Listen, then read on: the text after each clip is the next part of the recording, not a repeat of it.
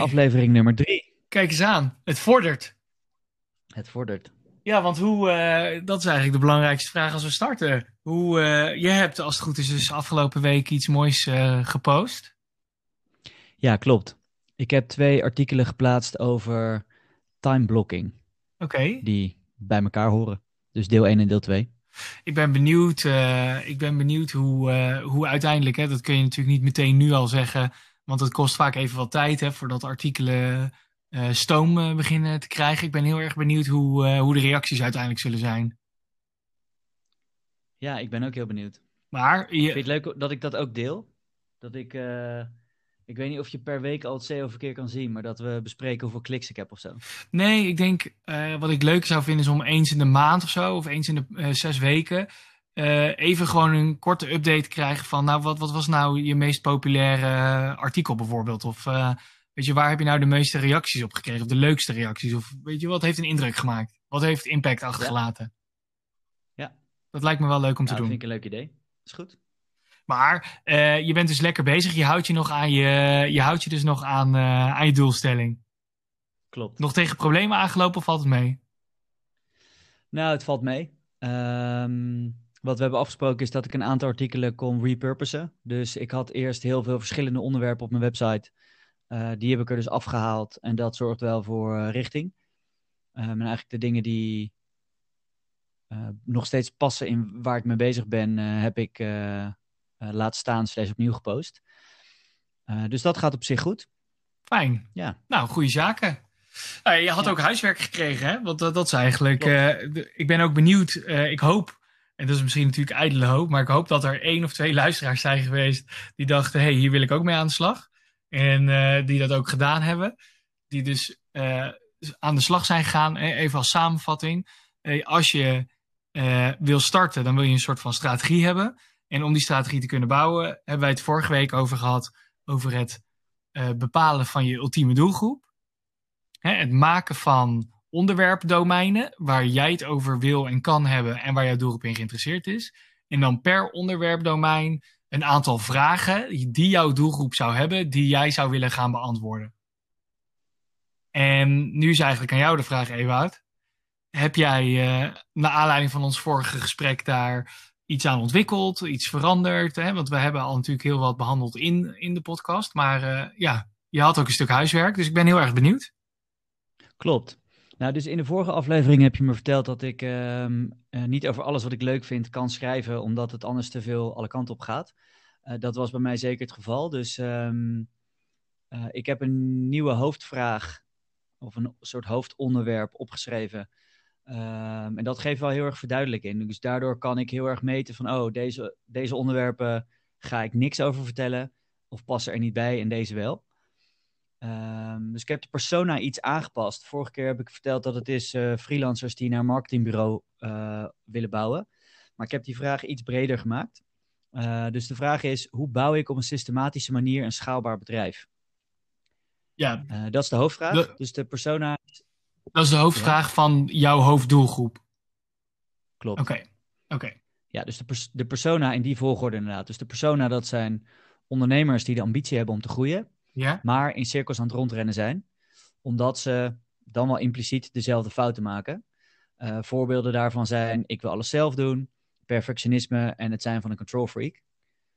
Ehm, om eigenlijk dat los te laten, zodat je je bedrijf meer schaalbaar kunt maken. ja. Eh, en dat op een systematische manier. En dat is gebaseerd op het boek Work the System. En dat heb ik eh, ja, tijden geleden gelezen, steeds opnieuw gelezen. Daar wil ik wat mee gaan doen. En dit is het moment. Eh, dat. Dus dat is ehm, eh, de persona en, en het hoofdonderwerp. Oké, oké. Eh, dus je hebt je persona, je hebt je hoofdonderwerp.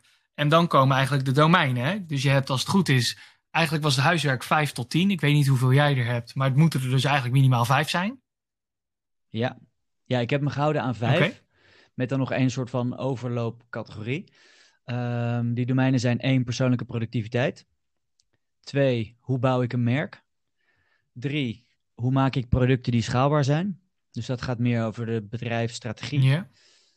Vier is, hoe haal ik systematisch meer klanten binnen voor mijn bedrijf? Vijf, hoe besteed je werk succesvol uit?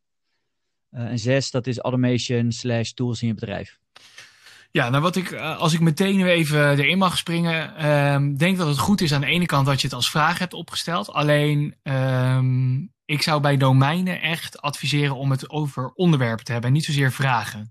Dus als jij het hebt over hoe krijg ik systematisch meer klanten, dan zou ik dat domein dus eigenlijk gewoon benoemen sales. En bij sales kan, kunnen namelijk veel meer vragen komen. Ook vragen die jij wellicht kan beantwoorden. Die niet zozeer direct antwoord geven op die hoofdvraag die jij zei. Hoe krijg ik systematisch meer klanten? Want bijvoorbeeld, uh, en ik ga nu even op jouw stoel zitten hoor. Maar het zou natuurlijk kunnen dat iemand de vraag heeft. Uh, hoe uh, upsell ik mijn bestaande klanten? En dat is eigenlijk niet een antwoord op de vraag die jij net stelde. Maar dat valt wel binnen het domein sales. Ja, dus daarom zou mijn advies echt zijn om uh, te proberen uh, je domeinen als onderwerp neer te zetten en niet als vraag. Maar die vragen die ja, jij net stelde, ja, dat begrijp ik heel kan je goed. wel natuurlijk Ja. weer doorstellen, want dat is eigenlijk de volgende stap. Als je dus je domein hebt als onderwerp, dan komen al in de volgende stap, hè, dan heb, moet je, moest je tien vragen of zo per domein uh, gaan stellen.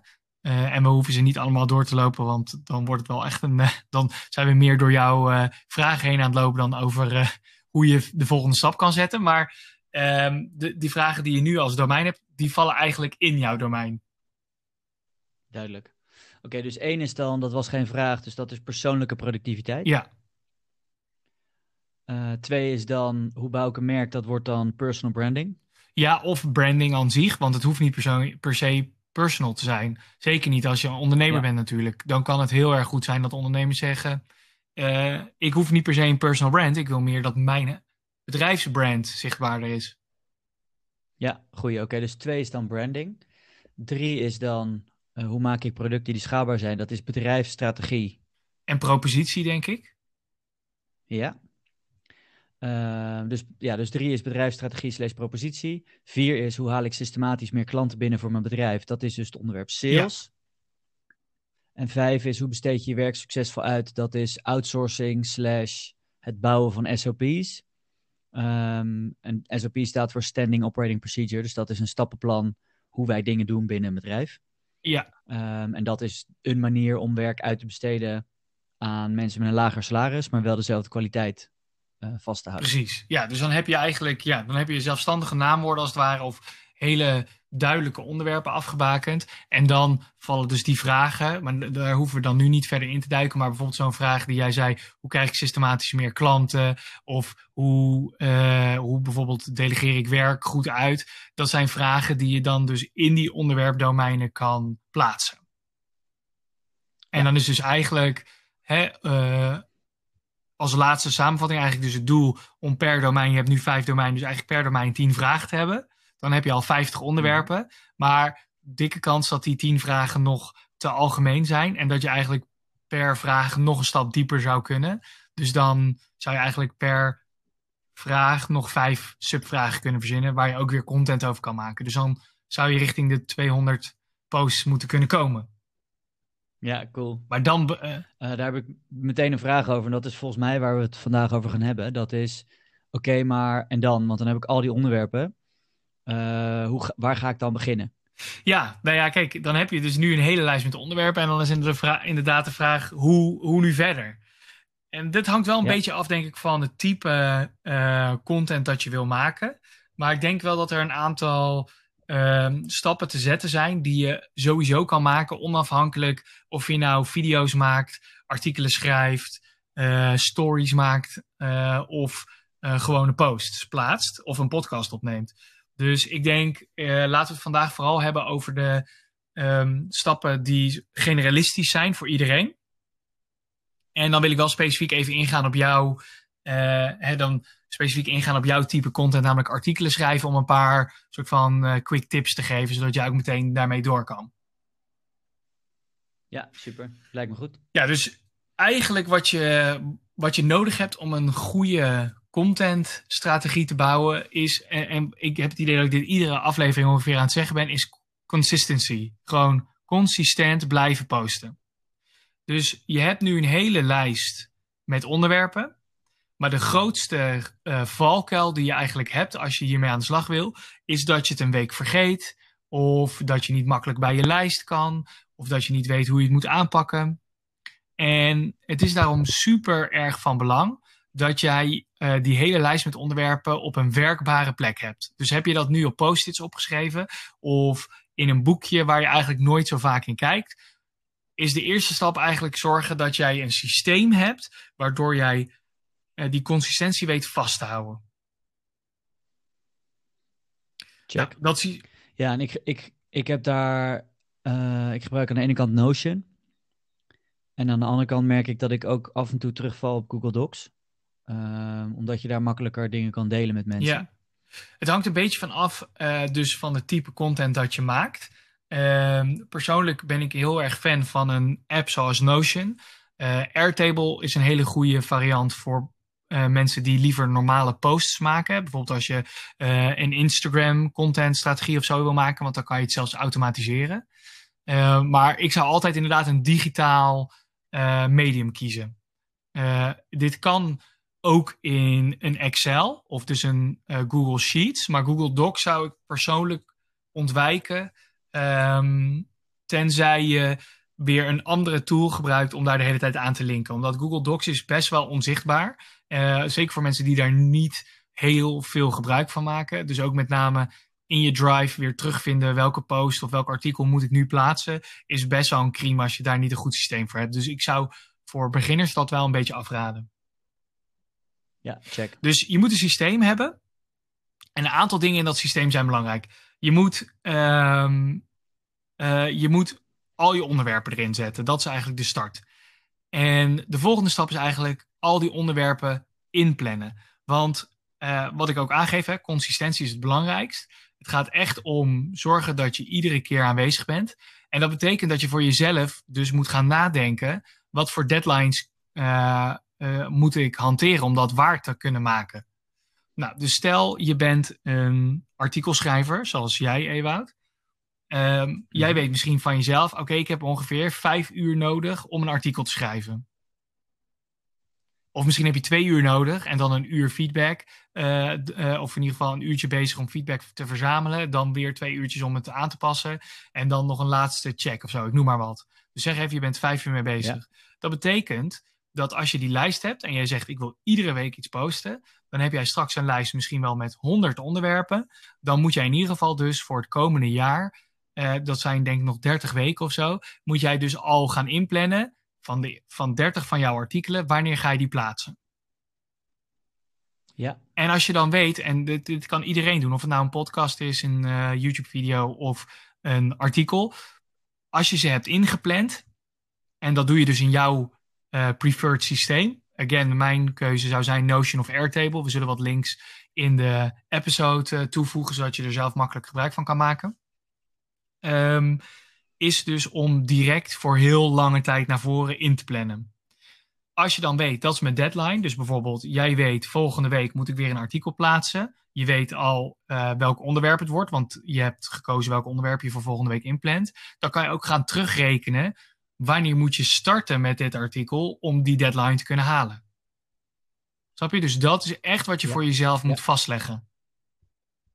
En dus niet nadenken, ik heb nu een lijst en nu gewoon gaan met, met beginnen met maken. Want zodra je nu begint met maken, je hebt nu de energie, je wil nu gaan starten, je hebt nog heel duidelijk je motivatie, je ambitie klaarstaan. Maar straks vergeet je dat. Over een maand of over twee maanden heeft niemand je artikelen gelezen, heeft niemand echt gereageerd. Dan verlies je een beetje de motivatie. Je moet het gewoon echt long-term ingepland hebben.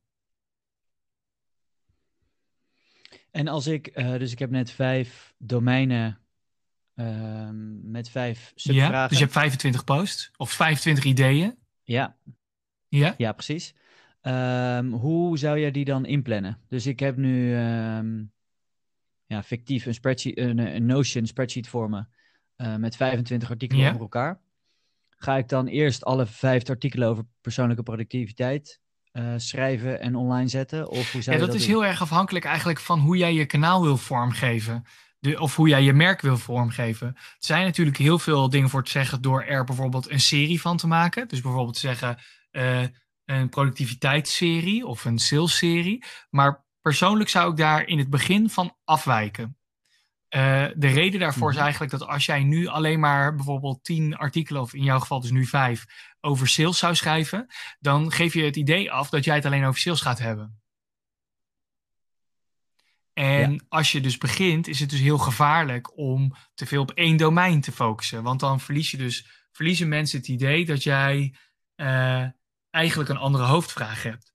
Dus in het begin is het heel erg belangrijk dat jij je hoofdvraag of je, je waar, waarom mensen en wie jou zouden moeten volgen, kenbaar te maken. En dat betekent dat je dus moet kijken in jouw lijst, zeker in het begin, welke onderwerpen passen daar het beste eh, op aan? Welke sluiten daar het beste op aan? En dat kan echt wel zo zijn dat je een, eh, bijvoorbeeld van ieder domein een soort van for beginners eh, post over zou kunnen maken, weet je wel? Dus sales voor net groeiende eh, ondernemers. Of snap je een beetje wat ik bedoel? Dus vooral, ik zou vooral in het begin kijken op ja, wat is de normale journey die jouw lezer door zou moeten maken om ergens te, om op het gewenste eindpunt terecht te komen. Ja, dat is een heel goed idee. Ik merk dat dat geeft me heel erg richting, want uh, ik kijk dus nu naar het lijstje met salesvragen. Uh, daar wil ik meteen eigenlijk helemaal de diepte ingaan op hele advanced dingen. Um, met andere woorden, begin gewoon met één post. Oké, okay, als je net begint met sales, dit is waar ik zou beginnen. Juist. Dat, ja. En dan, weet je, en de grap is ook, er zullen best wel mensen zijn die dat zullen lezen. En die misschien wel zullen denken, hey, dat kan ik al, of dat ken ik al. Maar dat is op zich niet zo erg, want je gaat uh, uiteindelijk wel die uh, meer advanced kant op. Maar voor alle mensen die daar nog niet zijn, die raak je voor altijd kwijt. Dus je wil die eigenlijk ja, meenemen. Je kan beter bij het begin beginnen en hun meenemen op je reis, dan te ver uh, voorrang uh, geven. Te ver gevorderd. Cool. Goed. Dus dan uh, maak je eigenlijk je lijst. En dat betekent dus waarschijnlijk dat je heel veel onderling van je domeinen zal gaan. hoe zeg je dat? Wisselen. De? Dus je gaat een soort van randomness door je domeinen heen gooien. En afhankelijk, dit is dan een kleine hack is als je bijvoorbeeld 20 uh, posts of 20 artikelen of 20 video's hebt opgenomen, kan je daarna wel een soort van curation gaan doen, waarbij je eigenlijk zegt, hey, ik heb vijf artikelen over sales geschreven en ik heb hier even een serietje gemaakt, zodat je ze in één keer allemaal kan lezen. Of hey, ik heb, dat zie je ook op YouTube heel erg terugkomen, van die playlists, waarop je dan zegt, dit is een playlist met al mijn video's over sales. En dus in ons geval, ik weet niet ja. wat de toekomst gaat brengen voor deze podcast. Maar het zou bijvoorbeeld zo kunnen zijn dat we bijvoorbeeld een website maken of een pagina maken. waarin we eigenlijk zeggen: dit zijn de vijf afleveringen die je zou moeten uh, luisteren als je wil weten hoe je content moet produceren. En dit zijn de acht afleveringen die je moet luisteren als je wil weten hoe je contentstrategie moet maken. Snap je ik bedoel? En Ja, dat is zeker. eigenlijk een waarde toevoegende post, waar je zelf niet zoveel moeite meer voor hoeft te doen, want je hebt die content al een keer gemaakt. Maar goed, dus dat, dat, dat zou mijn advies zijn. Ehm, maar wat ik dus wel zou adviseren ook is om in jouw kalender ook voor jezelf rekening te houden met de tijd die je eraan kwijt bent. Dus jij hebt het bijvoorbeeld, Ewout, gehad over het kost mij best wel veel tijd om een artikel te maken. Dus ik wil ook wel eens een snippet of een, een losse post daarover plaatsen. Dat ik niet alleen maar artikelen aan het maken ben, want dat kost te veel tijd. Dus probeer Ja, slim te plannen voor jezelf. Dat als je bijvoorbeeld zegt, oké, ik het lukt mij niet om iedere week één artikel te maken. Dat betekent dus dat je iedere week, ehm, dat je bijvoorbeeld de ene week een artikel hebt en de week erna een soort van samenvatting of snippet of preview van je volgende artikel of je vorige artikel. Ja, hoe ik dat nu voor mezelf heb, heb ingedeeld, eh, dat is, ik werk in blokken van 90 minuten. Eh, dat werkt voor mij fijn, dus ik heb dan drie blokken. Eh, op maandag schrijf de eerste draft. Op, di op dinsdag edit die draft, dus dan laat ik een nachtje, slaap ik er een nachtje over en dan kan ik makkelijker met wat meer afstand kijken naar wat ik de dag ervoor geschreven heb. En dan op woensdag maak ik de final edit. Eh, dus zo heb ik drie verschillende stappen, misschien wordt het er wel vier, ehm, om een artikel uiteindelijk live te Ja, hebben. precies. Maar als je dat dus iedere week kan, dan hoef je dus geen rekening te houden met wat ik net zei. Maar als je daar moeite mee hebt om dat iedere week te doen, Mhm. dan moet je dus voor jezelf in gaan plannen. Oké, hoe Uh, dus de ene week maak ik een artikel en de week erna uh, haal ik daar een samenvatting uit of een snippet of zoiets. Ja. Um, wat je ook kan doen, uh, en dat is ook, werkt supergoed, met name op het gebied van engagement, is op het moment dat je wat meer volgers hebt, en met wat meer bedoel ik gewoon anywhere above een uh, 100, hè, want over zo weinig hebben we het dan, kan je al bijvoorbeeld vragen gaan stellen. Mhm. Dus je zou bijvoorbeeld week 1 post je een artikel. En in week 2, in plaats van dat je een snippet van die eerste artikel doet, doe je bijvoorbeeld een vraag. Hey, volgende week wil ik een artikel plaatsen over sales voor beginners. Wat zijn nou vragen waar jullie mee zitten die ik misschien kan meenemen? Ja, en dat doe ik namelijk nu. Uh, ik heb een groepje van uh, vrienden, kennis omheen aan wie ik dat, die vraag stel. Maar jij zegt eigenlijk kun je dat ook als post Zeker, neerzetten. want dat zijn allemaal mensen die graag jouw content zouden willen lezen. Ja, dat, dat hoef je helemaal niet privé te houden. Dus, um, en dit wil ook niet zeggen dat je er per se iets mee moet doen. Uh, maar dat is in mijn ogen ook een enorm waardevolle post. Omdat misschien die ene post aan zich niet direct heel veel waarde geeft aan iemand die langskomt. Maar het helpt wel om jouw volgende post nog waardevoller te maken. Snap je wat ik bedoel? Uh, wat je eventueel ook kan doen, is als je bijvoorbeeld acht vragen, ik noem maar even een random getal, acht vragen op die post krijgt. En je ziet al, oké, vijf daarvan ging ik sowieso beantwoorden. Twee daarvan, die ga ik toevoegen. Maar die ene wil ik eigenlijk niet meenemen, want dat matcht niet echt. Maar ik weet het antwoord wel. Dan kan je natuurlijk op die post uh, al het antwoord geven hè, op die vraag. En daarmee is je post direct waardevol. Ja, nou, dat is een hele praktische goede tip. Ja, dus dan, uh, om dan de volgende stap te hebben. Dus je hebt nu, als het goed is, heb je al je onderwerpen en die heb je in ieder geval voor de near future ingepland. Dus again, mijn insteek zou altijd zijn, plan nou voor een half jaar naar de, naar de verte. Want het maakt toch niet uit als je over drie weken weer de boel verandert. Maar dan heb je in ieder geval voor jezelf een stok achter de deur. En plan dan het schrijven of het uh, online Plan zetten? de deadlines voor het online zetten. En dat betekent dat je als volgende stap automatisch moet gaan plannen wanneer je het dan moet schrijven. Maar daar, hè, sommige mensen zijn natuurlijk wat uh, anders in hun tijdmanagement dan jij. Jij bent daar heel gedegen in. Uh, maar ik denk in ieder geval dat het heel belangrijk is dat je bijvoorbeeld in hetzelfde systeem of dezelfde tabel of Excel-file, uh, waar je dan ook je onderwerp hebt opgeschreven, hebt gezegd: deze gaat live op 24 mei of op 33 of 31 augustus. Ik hoop dat die maand bestaat, maar je snapt wat ik bedoel. dat je dan zegt van oké, als je op 31 augustus dit live moet zetten, dat je dan ook daarnaast zet. Dat betekent dat ik mijn final versie daarvan bijvoorbeeld al af wil hebben op 26 augustus. Dus dat betekent dat ik wil beginnen met schrijven op 24 augustus. Ja, check. En heb ik verschillende contenttypes uh, in één Notion database? Dus we hebben deze podcast, uh, maar ik heb ook artikelen. Ik ben bang dat dat onoverzichtelijk wordt als ja, alles, in, alles één in één ding gooien. Ja, alleen het voordeel is dat uh, een app zoals Notion of Airtable geeft de mogelijkheid om tags toe te voegen waarop je ook kan filteren. Dus um, dan okay. kan je bijvoorbeeld een overzicht maken voor alleen de podcastaflevering en een overzicht voor alleen de uh, artikelen bijvoorbeeld. Maar de reden waarom ik adviseer om het allemaal bij elkaar te zetten, er zijn wel wat handige hacks, maar dat is wel echt ver gevorderd. Daar moeten we denk ik misschien over tien weken een keer weer op terugkomen. Is dat ik voor één contentkanaal, dus hè, heb ik volgens mij al over verteld, dat ik met What to Feed uh, een digitaal marketing contentkanaal wil beginnen. Uh, of misschien zijn we al begonnen tegen de tijd dat iemand dit luistert. Um, daar heb ik drie tabellen, dus één voor artikelen, één voor podcasts en één voor YouTube-video's. Maar die zijn allemaal met elkaar gelinkt. Dus er zijn verschillende manieren om ja. het aan te pakken, maar dat is wel echt ver gevorderd. Dus voor nu zou ik zeggen, ieder stuk content wat je maakt, zou ik in één overzicht zetten. Maar ik zou dus wel voor jezelf heel helder maken welk stuk content wat is. Dus dat je niet alleen. Nou, dat je wat dus niet alleen maar kan filteren op naam, maar dat je dus heel duidelijk aangeeft: dit is een post, dit is een podcast, dit is een artikel.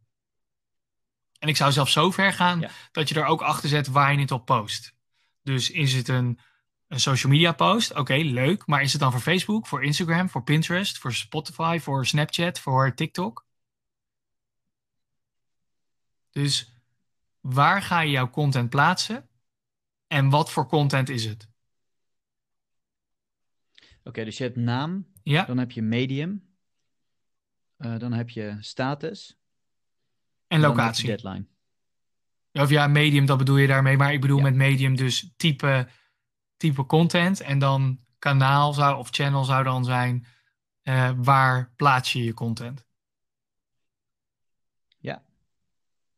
En als ik eh, een artikel schrijf over hoe bouw ik een leadlijst, dan eh, zet ik hem er eigenlijk twee keer in. Eén keer als de, de post en één keer als, sorry, één keer als, als het blogartikel en wanneer die live gaat en één keer wanneer ik hem meeneem Precies. om te posten op LinkedIn. Want een LinkedIn post is wat anders dan het artikel. Ja, dus dan heb je als het goed is nu een agenda gemaakt van...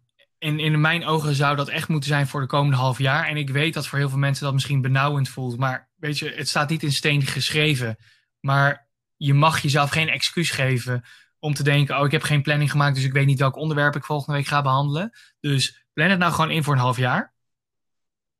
En ga dan Mhm. eh, en werk dan terug en weet gewoon, oké, dan ga ik dat posten. En als er iets verandert, doe dat vooral. Maar wees gewoon heel consistent en eerlijk naar jezelf toe dat je weet, dit ga ik volgende week maken. Als je dat dan hebt, dan is natuurlijk de vraag, nu heb je dus je onderwerpen, je hebt je deadlines en nu moet je het ook echt gaan maken. Nou, daar heb ik eigenlijk, eh, zeker als je consistentie wil houden, een aantal eh, tips voor. Tip 1 is, maak voor jezelf een soort van, ehm, ja, wij noemen het dan een digital style, guide. Ja, sorry, het werd heel moeilijk. Digitale stijlgids, een digitale stijlgids. ja? Ehm, en eh, die digitale stijlgids helpt jou eigenlijk te bepalen ehm, hoe zien mijn posts eruit. Hè, hoe wil ik bijvoorbeeld, als jij een artikel plaatst op LinkedIn, heb je een cover image. Hoe ziet dat eruit? Hoe is het herkenbaar? En dit hoeft niet zo indrukwekkend eh, te zijn dat je een heel eh, brandboek maakt met echt 400 pagina's van het logo. mag alleen maar zo en zo gebruikt worden. En ik mag alleen maar deze kleuren hier en het font daar. Maar maak voor jezelf een soort van richtlijn. En het kan echt op één pagina. Een soort van richtlijn van als ik een social media post maak, dan wil ik daar wel of niet een logo bij. Eh, dan wil ik daar wel of niet mijn eigen foto, hè, een profielfoto bij. Dan wil ik daar wel of niet een titel in de image bij. En als je dat wil, wat zijn dan de lettertypes? Dus maak voor jezelf een soort van richtlijndocument hoe je visueel, eh, maar eventueel ook met, met eh, titels en dergelijke wil werken. Dus het hoeft niet alleen visueel te zijn, maar je snapt wel even de, de basics van jouw online aanwezigheid. Hoe ziet dat eruit? ja, dat is heel slim. En hoe ziet dat er dan voor What the Feed uit? Ja, dus eh, voor What the? Feed, eh, daar, dat is eigenlijk een, een ehm, eh, hoe zeg je dat? Een vervolg op het nieuwe merk wat we aan het, aan het maken zijn van, ons, van onze agency. Maar What the Feed krijgt dus een eigen logo, wat wel heel erg dicht geallieerd is aan die nieuwe branding. En daar hebben we gewoon heel duidelijk voor vastgesteld Mhm. van wat voor soort kleur gebruiken we in eh, de coverfoto's en wat staat erin. En omdat we daar ook bijvoorbeeld video's eh, voor YouTube mee willen maken, staat er ook heel erg uit in van hoe zien die thumbnails er ongeveer uit. En uiteraard kan de data in de toekomst dat gaan veranderen. Maar we hebben gewoon heel duidelijk deze kleur, dit lettertype, zo groot. En dit is een beetje de insteek. Ja, logisch. Want dan, eh, ja, exact. En als je helemaal, eh, als je dit nou voor jezelf wil doen, dan kan je bijvoorbeeld gebruik maken van een tool zoals Canva. Ehm, en het leuke daarvan is zelfs dat je daarmee templates kan maken. Dus je kan zelfs in Canva gewoon eh, los van dat je je, je brandguide of hoe je het ook wil noemen, je digitale stijlgids of als je die pagina hebt gemaakt met richtlijnen, kan je eigenlijk direct voor jezelf aan de gang met het maken van templates. Dus dan hoef je nog niet meteen daadwerkelijk de content te maken. Maar bijvoorbeeld, eh Ewout, in jouw geval ehm, is de vraag: ga ik een artikel wel of niet op LinkedIn plaatsen? Volgens mij wil jij je artikel op je website plaatsen, maar er wel naar linken via LinkedIn. Heb ik dat goed? Ja, klopt. Dus eh, ik heb mijn blog gebouwd in Webflow en dan kun je een meta-plaatje meegeven dat als je hem ergens post, welk plaatje wordt meegegeven. Eh, en die maak ik nu met Canva. En uh, dat werkt inderdaad super chill, omdat je dan je kan aangeven het is voor LinkedIn en dan, en dan weet Canva wat daar de afmetingen van zijn. Zodat niet je afbeelding half wordt afgesneden. Uh, Precies, dus dat, maar dan is eigenlijk dus de, de doelstelling om dus te zorgen dat je een bepaalde consistentie hebt over al die afbeeldingen heen. En niet zozeer omdat je wil dat iedere LinkedIn-post hetzelfde uitziet. Ik heb ook niet erover dat 90% gelijk moet zijn maar meer een consistentie van wat voor beeldgebruik. Zijn mijn foto's zwart-wit als ik ze gebruik? Of zijn ze in kleur? Weet je, wil je je logo erin of niet? Weet je, dat soort vragen wil je eigenlijk gewoon kort even voor jezelf beantwoord hebben. Ja. En als je het helemaal dus makkelijk wil maken, maak dan in Canva templates. Dat kan ook gewoon in een gratis abonnement, volgens mij zelfs. Kan je gewoon templates maken. En dat betekent dat iedere keer als jij dus zegt, hey Wout, ik wil een LinkedIn post opmaken of een image voor LinkedIn uh, dat je zelfs kan kiezen en ik wil dit template gebruiken. En dan hoef je alleen nog maar bijvoorbeeld een titeltje aan te passen en een plaatje toe te voegen. En dan is de rest al gestandardiseerd. Dat scheelt je heel veel tijd. En het zorgt heel erg, veel, uh, heel erg voor het opbouwen van consistentie weer. En, en eigenlijk de herkenning bij jouw doelgroep. Ja, dus daar komt jouw woord consistentie weer terug. En voor, voor iemand die op Instagram uh, wil posten, is eigenlijk zoiets als Canva misschien niet handig. Want uh, in die feeds zie je heel vaak soort van heel veel verschillende beelden terugkomen. Dus als jij uh, een feed hebt van 12 beelden die voor 90% hetzelfde zijn, dan krijg je een heel suf Instagram feed. Maar wat ik dus bijvoorbeeld voor Instagrammers heel erg zou aanraden, is mhm. dus om uh, wat ze noemen zo, uh, Lightroom instellingen of LUTs. L-U-T. Als je googelt LUT packs, dan ga je massaal veel mensen vinden die allemaal hun, hun color instellingen en hun uh, weet je, contrastinstellingen, dat soort dingen voor fotografie eigenlijk vast hebben gezet. En die kan je gewoon gebruiken op al je foto's. Dus als jij consistentie wil hebben in jouw beeldgebruik, zonder dat je de hele tijd um, heel veel overlezen en dat soort en titels en dingen in je beeld gebruikt, kan je ook gewoon gebruik maken van zo'n color scheme instelling. En dan is precies, nou, zonder dat het suf wordt. Dus, dus ja, dat, zijn eigenlijk, dat is eigenlijk de volgende stap. Dus je hebt nu je uh, planning met onderwerpen. Dan heb je eigenlijk een soort van stijlgids, een soort van richtlijn. En als je echt goed voorbereid aan de slag wil gaan, moet je een paar templates maken. En als je dat hele grapje hebt, dan wordt het produceren van je content een stuk makkelijker. want dan is het eigenlijk alleen nog maar afhankelijk van wat je doet, in jouw geval dus artikelen, is het daadwerkelijk maken van je artikel. Maar tot op dit punt heb je er echt voor gezorgd, oké, ik weet wanneer ik welk artikel moet schrijven. Ik weet hoe ik de beelden daarvan moet opmaken. En sterker nog, ik kan die beelden opmaken in een kwartier. Dan is eigenlijk.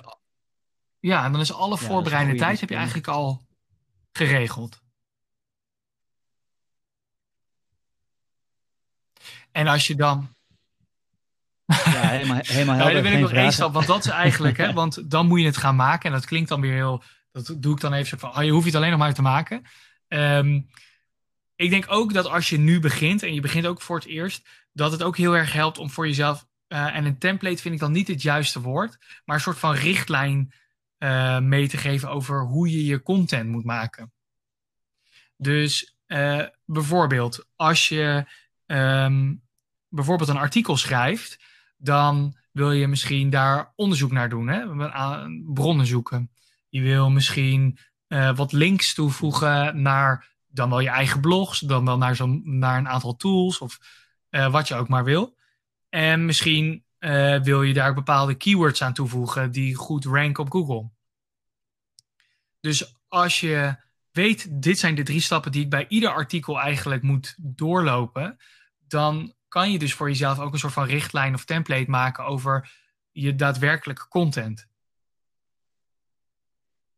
Dus hoe ziet het maken, hoe ziet het maakproces van mijn content eruit? Dus bijvoorbeeld, eerst wil ik even op zoek, dus ik weet het onderwerp. Eerst wil ik op zoek naar wat bronnen, oké? En ik sla mijn bronnen hierop, in deze tool of in dit document of hè, hoe dan je systeem ook in elkaar zit. De tweede vraag is bijvoorbeeld, oké, dan heb ik mijn bronnen, dan wil ik ook weten welke keywords wil ik precies eraan toevoegen. En daar maak ik een lijstje van, van bijvoorbeeld vijf of tien keywords waar ik op wil focussen. En dan zeg je bijvoorbeeld, ik vind het ook belangrijk om een paar externe links toe te voegen. Dan wel naar tools, dan wel naar mijn eigen blog of hoe, dan, hoe je dat ook wil vormgeven. En die richtlijnen kan je eigenlijk ook al voor jezelf vastleggen.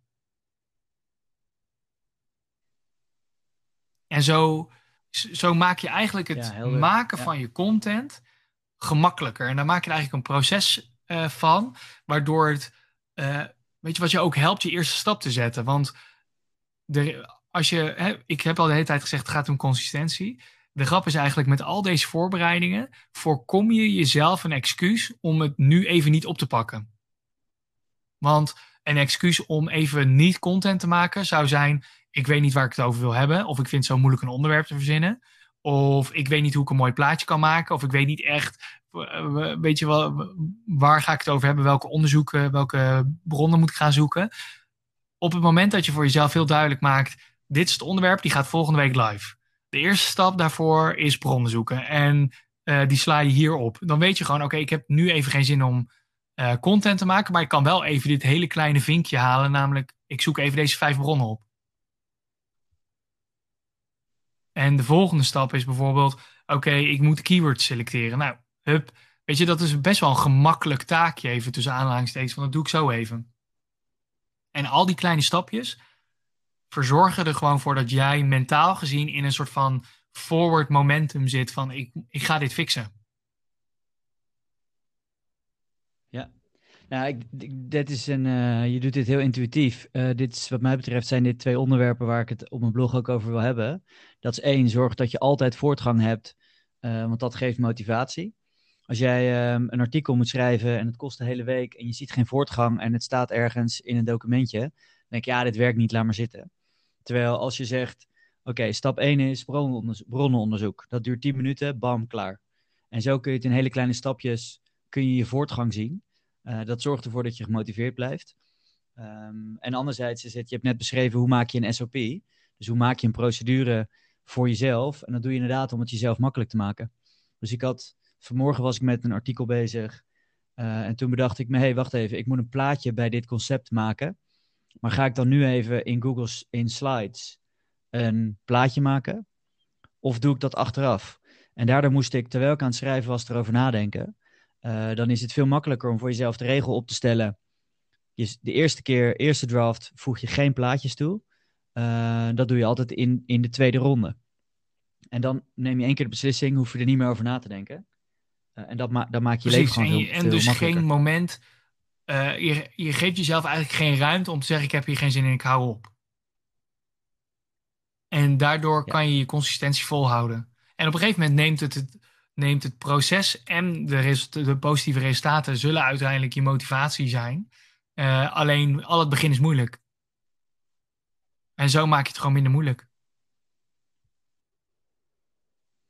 Ja, ja dus eigenlijk, uh, eigenlijk is dit dan uh, de beste manier om het voor jezelf zo makkelijk mogelijk maken om te starten. Dus je hebt nu je onderwerpen ingepland. Je hebt een template voor hoe je het visueel eruit wil hebben. Je hebt je template of richtlijnen over hoe je je content wil maken. Hè? Dat heb je geprocesmatigd. En dan weet je dus, oké, nu moet ik aan de slag. Mhm. Dus voor volgende week moet ik dit onderwerp maken. Dit moet ik ervoor regelen. En uh, dan moet ik het af hebben. En daar moet je een systeem omheen hebben ja, wat wij dus uh, gebruiken, jij gebruikt Notion, ik gebruik Airtable. Wat, wat mijn voorstel zou zijn, is eigenlijk, uh, Ewout, om die links van onze systemen eigenlijk toe te voegen aan deze aflevering. En dan kun, kunnen eigenlijk uh, iedereen die luistert, kan dan gratis gebruik maken van die templates die wij hebben. Um, en weet je, dat voorkomt misschien het gevoel, hoe heet het, de moeilijkheid als je het zelf moet gaan lopen uitdenken. Ik kan gewoon gebruik maken van wat wij gebruiken. Um, ik denk wel dat dat heel erg helpt. Ja, dat denk ik ook. Dat is een goed idee. Dus we voegen de, ehm, de links toe naar de Notion template en naar de Airtable. Ja, lijkt me een goeie. Ja. Nou, duidelijk. Ja, toch? Um, klinkt goed. Dus ik ben uh, parallel eigenlijk nu bezig met uh, de artikelen die ik al aan het schrijven was. Um, en dat ga ik nu op een meer systematische manier doen, zodat ik het momentum wat ik nu gebouwd heb van die eerste drie artikelen die ik nu geschreven heb, om, te, om ervoor te zorgen dat ik dat ik vast kan houden. Door het simpeler voor mezelf te maken, omdat ik een systeem en een overzicht heb. Dat zorgt voor consistentie. Um, en dat zorgt ervoor dat ik voortgang behoud omdat ik niet hoef na te denken over kleine beslissingen. Ja, dat perfect. duidelijk is wat ik moet doen. Perfect. Ja, lijkt me goed. Ja, ik denk, ik denk, um, ik denk dat het, uh, als je dit een beetje onder de knie krijgt. en je hebt nu weer komende week om daar weer verder mee te oefenen. is eigenlijk de volgende stap van hoe ga je nou hiermee uiteindelijk uh, traffic krijgen? Hoe ga je nou je engagement verbeteren? Hoe ga je nou, als je je content hebt gemaakt. aan de slag dat het zichtbaar wordt. Ik denk dat we het daar volgende keer over moeten hebben.